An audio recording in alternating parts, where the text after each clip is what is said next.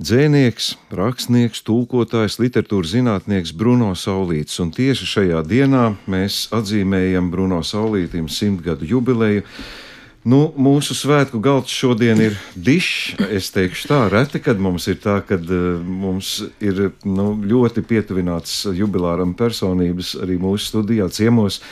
Es priecājos šodien mm, tikties ar Bruno Saulīšu meitu, Gundagu Saulītu. Labrīt! Labrīt! Un arī ar krustmeitu Rītu Rotkali. Labrīt! Labrīt! Uh, zināms, ka jūsu dzīves nu, nav tēlēni sakot pārāk tālu no literatūras literatūras, no valodas, tad eh, man ir jājautā laikam abām, vai Bruno Saulītim ir bijusi liela nozīme tas, ka jūsu dzīves arī tiek saistīts, vai Gundaga sākšu ar jums, tētis bija tas, kas ievirzīja?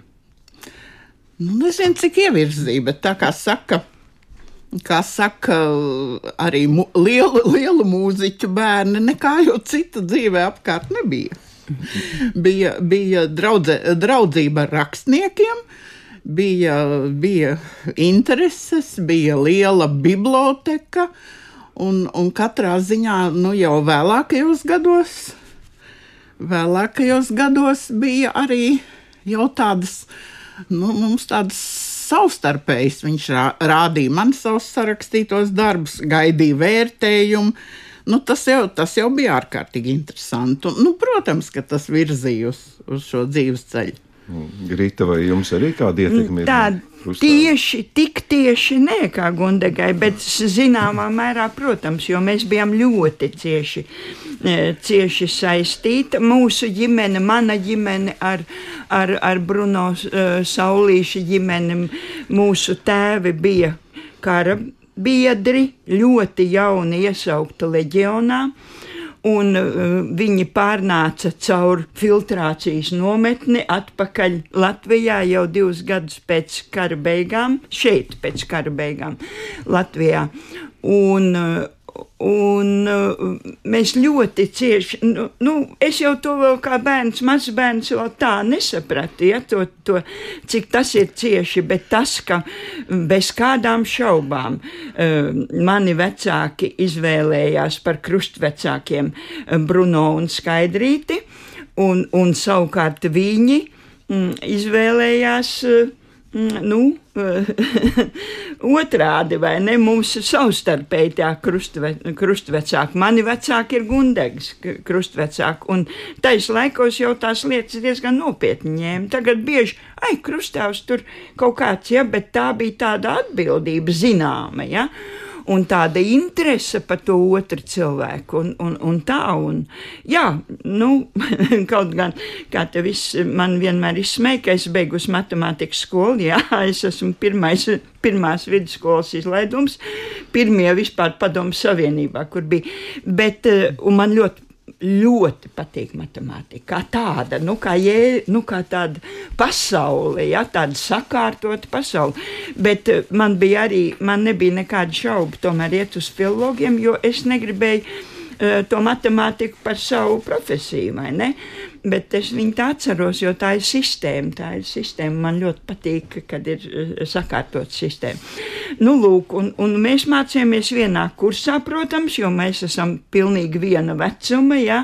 Mums ir viena mēneša. Tieši viena mēneša. Jā, es esmu dzimusi 7. martā, Gundegs 7. aprīlī. Ja? Tā kā mums tie ceļi ir gājuši diezgan krietni paralēli. Bet eh, ne tikai tas, arī mana, manā ģimenē, kur, kur nebija saistība ar literatūru, eh, es no bērna kājas redzēju, nu, Nu, tas, arī tagad, vēl man, manā dzīvoklī, nu, man viena siena ir ar grāmatām. Ja? Nu, man tas tā liekas, nu, pilnīgi dabīgi. Ja? Nevis tā, ka es tur vāktu biblioteku un tur kā, nu, bet, nu, kā, nu, bet kā bez grāmatām dzīvot. Ja? Nu, es redzu, ka ļoti daudz dzīvo bez grāmatām, bet, bet mums vienmēr bija un ko mainīties ar grāmatām un ko domāt. Bet vēlāk jau, jau, jau tā uh, saistība ar Bruno Saulīti bija ciešāka, bet par to varbūt mazliet vēlāk. Labi. Gundega, nu skaidrs, ka tētis tas ir primāri, bet nu, šobrīd jau ir krietnes laika sprīdis pagājis kopš Bruno Saulīts ir mūžībā. Jūs tagad viņu vērtējat arī kā literātu varat nošķirt šī, šos divus. Jums nu, divus ceļus, divus brūnos saulīšus. Nu, ļoti, tas, tas ir ļoti sarežģīts jautājums, un, un atbilde arī, jāsaka, nebūs tik vienkārši. Jo, nu, pirmkārt, tas ir mīļš un tuvs cilvēks kura jau vairāk nekā 50 gadus, vairāk pusi no šī gadsimta, viņa nav mums. Dabīgi, ka mūsu bērnu, tas ir bērnu dzīvē, viņš jau visu laiku kaut kādā veidā eksistē. Es, piemēram, dabūju pēc viņa nāves sakārtot uh, septiņu sējumu rakstus.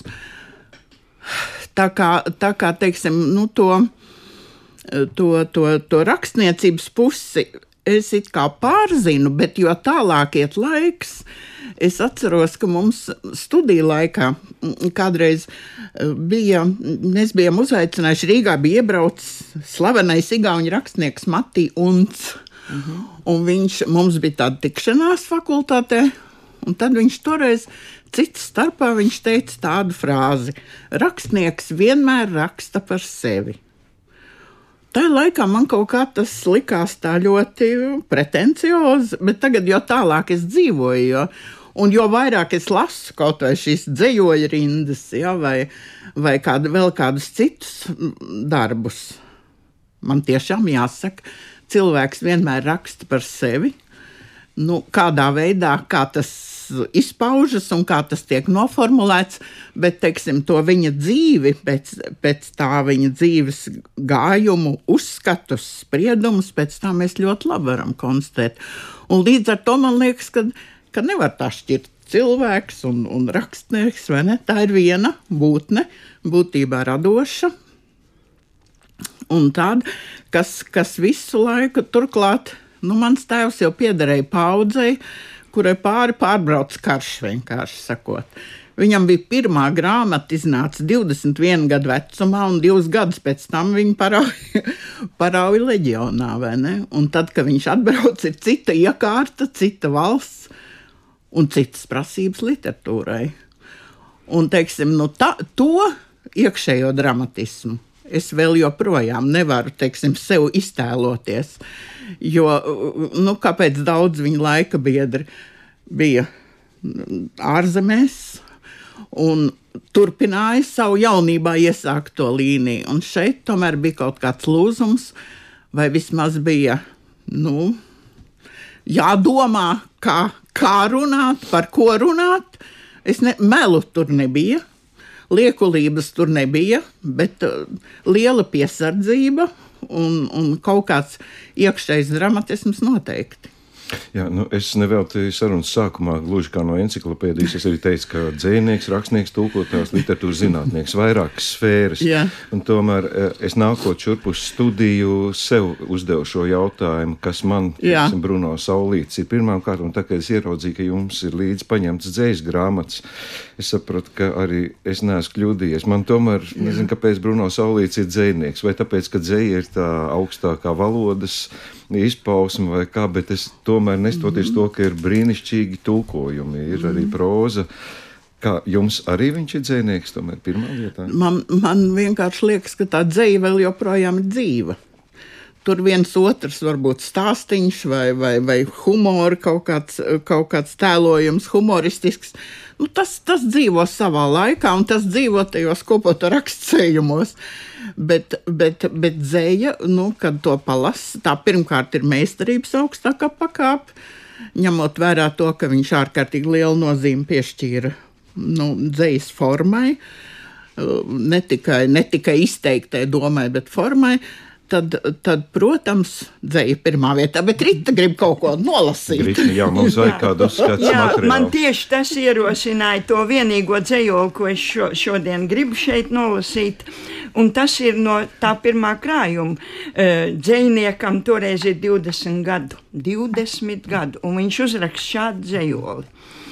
Es neteikšu, ka laimes nav, kaut sāpēs aizmiglots skats. Mums katram lemta taka sava. Es neteikšu, ka laimes nav, varbūt es sava laime pats. Es neteikšu, ka mīlas nav, kaut smaga sirds kā dzirnav rats. Lai kāda vienaldzība tava, es neteikšu, ka mīlas nav, varbūt es sava mīla pats. Es neteikšu, ka dzīves nav kad manai spēlei pienāks mats. Lai veras iznīcības grava, es neteikšu, ka dzīves nava, varbūt es savās dziesmās pats. Nu, vai tas nav tas, ko mēs tikko runājām?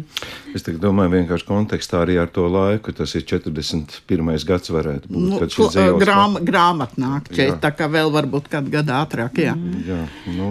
nu, bet jauns cilvēks, un man vispār ļoti, ļoti, ja es drīkstu tagad vēl parunāt. jo mm, mm, nu, es nu, jau kā pusaudzis, nu, es jau kā bērns bieži viesojos saulīšu mājās, un tā, nu, tā bija tāda bērnu spēlēšanās un tā.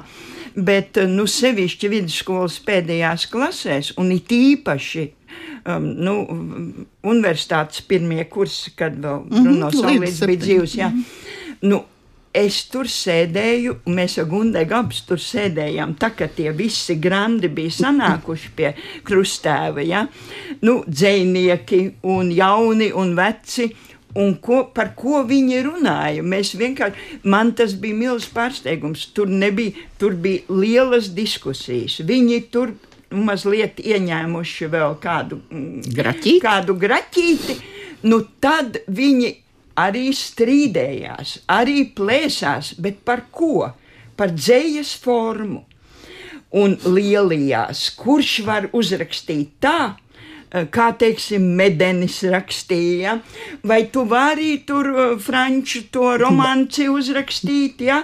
Eh, un Bruno Saulīts varēja teikt, ka viņš 20 gadu vecumā uzrakstīja sonet, sonetu vainagu, kas vispār ir fenomenāls formas veidojums, ja es vēl pārlasīju, domāju, nu vienreizēji viņi nemitīgi tieši par šiem literatūras jēdzieniem, nevis par to, kurš ir nopircis labāku manu, mantu, vai kuram ir tāda mašīna, vai kurš pelna vairāk, bet viss bija tikai grozījās ap dzēju. Un tas bija ļoti interesanti. Tur mēs redzējām arī tādas lietiņas. Nu, teiksim, mums bija pasniedzējs Arvīts Griguls, Tur mēs viņu pazinām no vienas puses, un šeit mēs redzējām ārkārtīgi erudītu dzējas pazinēju, ja, ārkārtīgi erudītu. Un, vi, un tad viņi ar Bruno Saulīti, jā, nu tā bija pilnīgi, nu tā, tā bija laime klausīties viņos, jā, un mēs, mēs tikai ausījāmies. Tas bija ļoti interesanti. Jā, jā, jā bet, starp citu, es lasot, nu, kaut kādas, nu, ne kritikas, kas tas bija apraksts par Bruno Saulīti, esmu vairāk kārtīgi dzirdējis tādu frāzi, frāzi, ka nu, jau noslēdzošie dzējas krājumi, ka viņš savu dzējas rakstības tehniku bija izkopis pilnīgi perfekti. Tagad pēc Rītas teiktā man eh, jādomā, vai šī tehnika jau nebija no paša sākuma, vai tomēr tur ir vērojama kaut kāda attīstība. Tu... Nē, nu tā katrā ziņā bija interese par to un tieksme to sasniegt, ja? tādā veidā iet uz to nu, uz to virsotni, uz mērķi, mm. apgūst visu to. Varbūt Jā. nedaudz arī par nu, tulkojumu man interesē, jo tie lieli vārdi, kāpēc viņš ķērās tam klāt, tā bija sevis pilnveidošana, tā bija kaut kas. Droši vien tas bija viss kopā, bet es domāju, šobrīd jau tas vairs nav tik būtiski. Parunāsim labāk par prózu. Labi. Par prózu. Kā, kas par, līdzīgs ar dzēju, kas atšķirīgs? Nē, es domāju, nu, ka tas. Um, Ja jau mēs tagad, tagad vērtējam no tā, kas tad īsti ir palicis un ko, ko Saulīts ir ierakstījis un ko varbūt būtu vērts eh, nu, pacelt vēl un apskatīties, pārlasīt, tad katrā ziņā tas ir romāns Ošu gatve. Mm. Ļoti eh, monumentāls un tāds, tāds pamatīgs, pamatīgs darbs un kurš arī, kurš arī savā laikā uh, izskanēja. Bija gan uzvedums teātrī, gan televīzijā, gan, gan vēlāk, vēlāk jau pēc autora nāves nāca filma Fronte tēvu pagalmā. Tā kā uh, šis romāns ir arī kaut kādā veidā par sevi, par savām ļoti kara gaitām, jā. ļoti personīgs. Un šī te uh, šī, šī vēlme konfrontēt cilvēkus, divus brāļus, katru ar savu ideoloģiju, katru ar savu dzīves izpratni, nu, tā man liekas, tā ir mūžīgā tēma. Un, un vienu, vienu variantu no tā mums ir devis Bruno Saulītis. Jā, un, un, un um, Ošu Gatvei ir milzīga nozīme manā dzīvē. Proti tas, kad, kad uh, nu, gatavoja izdevumam šo, šo uh, romānu. Uh, nu, Bruno Saulīts to bija uzrakstījis un pārlasījis un iz, izpē, nu, sagatavojis. Bet, nu, lai lasītu korektūras, nu, tas viņam nelikās interesanti. Ja? Un viņš uzticēja mums ar Gundegu, salasīt korektūras. Ja? Un man šeit ir rošu gatve ar ierakstu Ritai par dūšīgu korektūru lasīšanu 1969. gada. Augusts, Bruno Saulīts. Un jāteic, ka tā ir mana arī pirmā aplokšņu alga manā mūžā. jo Bruno Saulīts mums iedeva uh, honorārus katrai. Es neatceros, tā summa bija, nu, nebija eh, ļoti liela, bet nebija arī tāda, kas studentam neko nenozīmētu. Ja? Protams, mēs bijām ļoti laimīgas. Un, un pēc tam man sanāca dzīvē ļoti daudz lasīt korektūras, gan kad es teātros vēstnesī strādāju, gan, gan pašlaik es atkal esmu mazliet iesaistījusies darbā vienā izdevniecībā, uh, kur arī man nekas cits nav jādara, kā jāizlasa korektūras. Tāds aplis ir noslēdzies. Jā, nu, visas lietas mēs nepagūsim šodien izrunāt. Man drusciņi tā kā nezinu, sāpīga vai kā, vai tomēr nebūtu tagad ir simt gadi. Man prasītos, kā, vai nebūtu vērts papētīt, kā mēs tagad mūsdienās sakām, notiek konferences, kur tiek vētīts, pētīts un izzināts. Un šodien mēs sēžam pie, nu, pie skaista jubilejas galda, bet tomēr man tāda sajūta, ka būtu kaut kas, vai, vai ir kaut kādas lietas, kas, ko gribētos jau īstenot, lai, lai šo viņa galvenais to literāro mantojumu daudzinātu un pieminētu? Nu, pirmkārt, eh, nu, pirms gadiem 20, eh, uz 80 gadu jubileju mēs izdevām, mēs saviem spēkiem, bērni un radinieki, izdevām um, krājumu, ko dzējoļu krājumu, ko Bruno Saulīts bija uzrakstījis pirms aiziešanas uz fronti. Vārds sakot, iedvesmots no pirmā, viņš bija stā, tūlīt rakstījis otro. Un šis uh, manuskripts atradās tikai, nu, viņš nebija pats to glabājis. Apzināti vai neapzināti, to mēs atkal varam zīmēt. Bet uh, nu, tie arī brīnišķīgi dzējoļi, un tie nāca, uh, nāca klajā ar nos, viņa izvēlētu nosaukumu Mākoņu kumeļi. Ir um, laiks jau dara savu, cilvēka nav. Grāmata stāv plauktā vai makulatūrā, kā, kur, kā kuram. Un tā kā ir ļoti grūti pateikt, un ir jau, nu, pašreiz ir ir aktuāli, ir, ir piemirsti dzinieki, noklusēti dzinieki.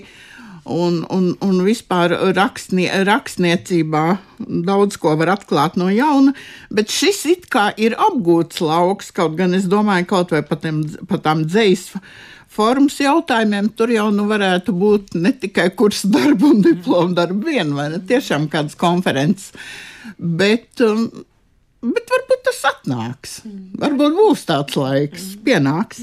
Šo, šobrīd es neredzu nekādu tādu lielāku interesi uh, apkārtējos, bet es gribēju vēl kaut ko pateikt, ka bez visu tā, ko ir Bruno Saulīts atstājis, viņš mūsu ģimenē ir atstājis savu vārdu.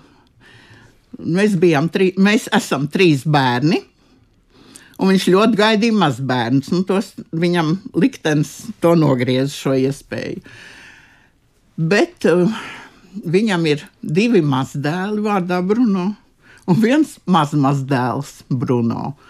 Tā kā, nu, redziet, arī tādā veidā kaut kas no paudzes paudzē var, var mantoties. Kā jūs personīgi atzīmēsiet šo dienu? Nu, rīts ir skaidrs jau man. Kas notiks tālāk? Būs kādas svinības? Nu, nē, es domāju, ka nē, mēs vienkārši padomāsim. Es arī ļoti ilgi nebiju izcēlus tos dzējoļus ārā. Mm -hmm. Nu, zin kā, agrāk es ļoti lasīju dzēju, tagad kaut kā nav tas dzējas laiks. Un, un tā, bet, bet es sāku atkal lasīt un nu, tā ielasījos pāri pusnaktī. Un tā, bet es vēl vienu to gadījumu gribu, ja drīkst izstāstīt. Uh, tas ir no Bruno Saulīša bērēm. Nu, Bruno Saulīts nu, ir kaut kā tik pēkšņi, tik ļoti negaidītu. 47 gadi tikai. Un, un, un tas veids, un tā vasara, un tā vieta, ko viņš tā mīlēja, tā jumprava, vai ne, un tas bites dzēliens, un tas viss ir tik, nu, es pat teiktu, teatrāli, ja kaut kādā ziņā. Un, un tas bija ļoti satriecoši, jo manam tēvam faktiski bija tikai viens īsts draugs, un tas bija viņš. Viņš tēvs nevarēja kaut kā vairāk. Nē, nu, viņš bija ļoti draudzīgs, viņš bija sabiedrisks, bet, bet viņam nebija tādu, nu, tādu draugu vairāk. Un tās bērns, protams, bija ārkārtīgi nu, traģisks. Nu, par to es nerunāšu. Bet, uh, tagad nu, šķirsts ir ir aiznests līdz tai vietai, kur, kur tiks apglabāts, un, un, un notiek tur viss tā ceremonija, un viss beidzās tas bija laiks, kad nebija tāda, tādas smalkas, tās, nu, tie pavadītāji, es nedomāju cilvēki, bet, nu, tie, kas to visu dara, tie rituāli darbinieki, ja tagad jau viss ir formās un ārkārtīgi ietur to. Bija tādi, nu, tādi veči, es teiktu, ja tādās vamžos, un viņi izdarīja savu darbu, un tā kā bija beiguši, kaut kā viens tā paņēma roku aiz muguras un izcēla puķu pušķi, uzlika uz tā kapa, tas kapracis, un teica par ošu gatvi. Tajā laikā tas bija. Ja? Mhm. Tas Jā. bija tāds, kas man palika uz visu mūžu. Nu, Gundega, protams, tur bija tuvāk, un viņi bija citos, nu, citā emocionālā stāvoklī. Viņi to pat nebija tajā brīdī pamanījis, bet, bet man tas iegūlās uz mūžiem. Ja? Lai vienkārši šie kaprači ja, būtu padomājuši un atnest un uzlikt to puķu pušu. Tas reti notiek. Jā. Jā. Labi, nu man jālūdz ir Gundega, jo solījāt sarunas beigās kādu dzējoli. tad tad nu, šis ir tas brīdis, kad man jālūdz jūs. Nu, ir, ir, protams, ļoti grūti izvēlēties, un tomēr, un tomēr tas ir dzējols vitrāža. Par spīti gadiem, kas atnāk un iet, bet mūžību neizkaro. Rīgas vecajā ģildē, kad saule riet, sāk logu vitrāžas starot un ļaudis raugās, ir brīnums tiem, var baznīcas tēlot un brūžus, bet vai tad ar krāsainiem stikliņiem drīkst logā likt cilvēku mūžu? Uz ziliem un oranžiem pamatiem viss saulrieta blāzma lēnām, no simt gadu vecajiem amatiem neviens nav palicis ēnā, neviens savu gaismu nav zaudējis, par velti nav strādāts un cerēts, dzīvo aldari, dreimaņi, audēji, bet tikai dzinieku neredz. Vai tu biji pārāk skaļš vai maigs, mans priekšteci vārdu meistara? Vai tiešām ir noticis tā, ka tavs svaigs cita laikmeta sauli neiztur? Bet dzēnieks tāpat reiz cerēja, ka kā tie, kur vaigus rāda, un viņa dziesmiņas derēja sudrabkalim vai ādminim kādam. Un tad, kad bija galā pēdējais stāsts aiz kāda kroga vai žoga, viņš arī droši vien vēlējās savu attēlu atstāt uz loga. Cik dīvaini, ka no visa tā pat miršana neatbrīvo, un katram gribas kādā vitrāžā, saules rietos un lēktos dzīvot.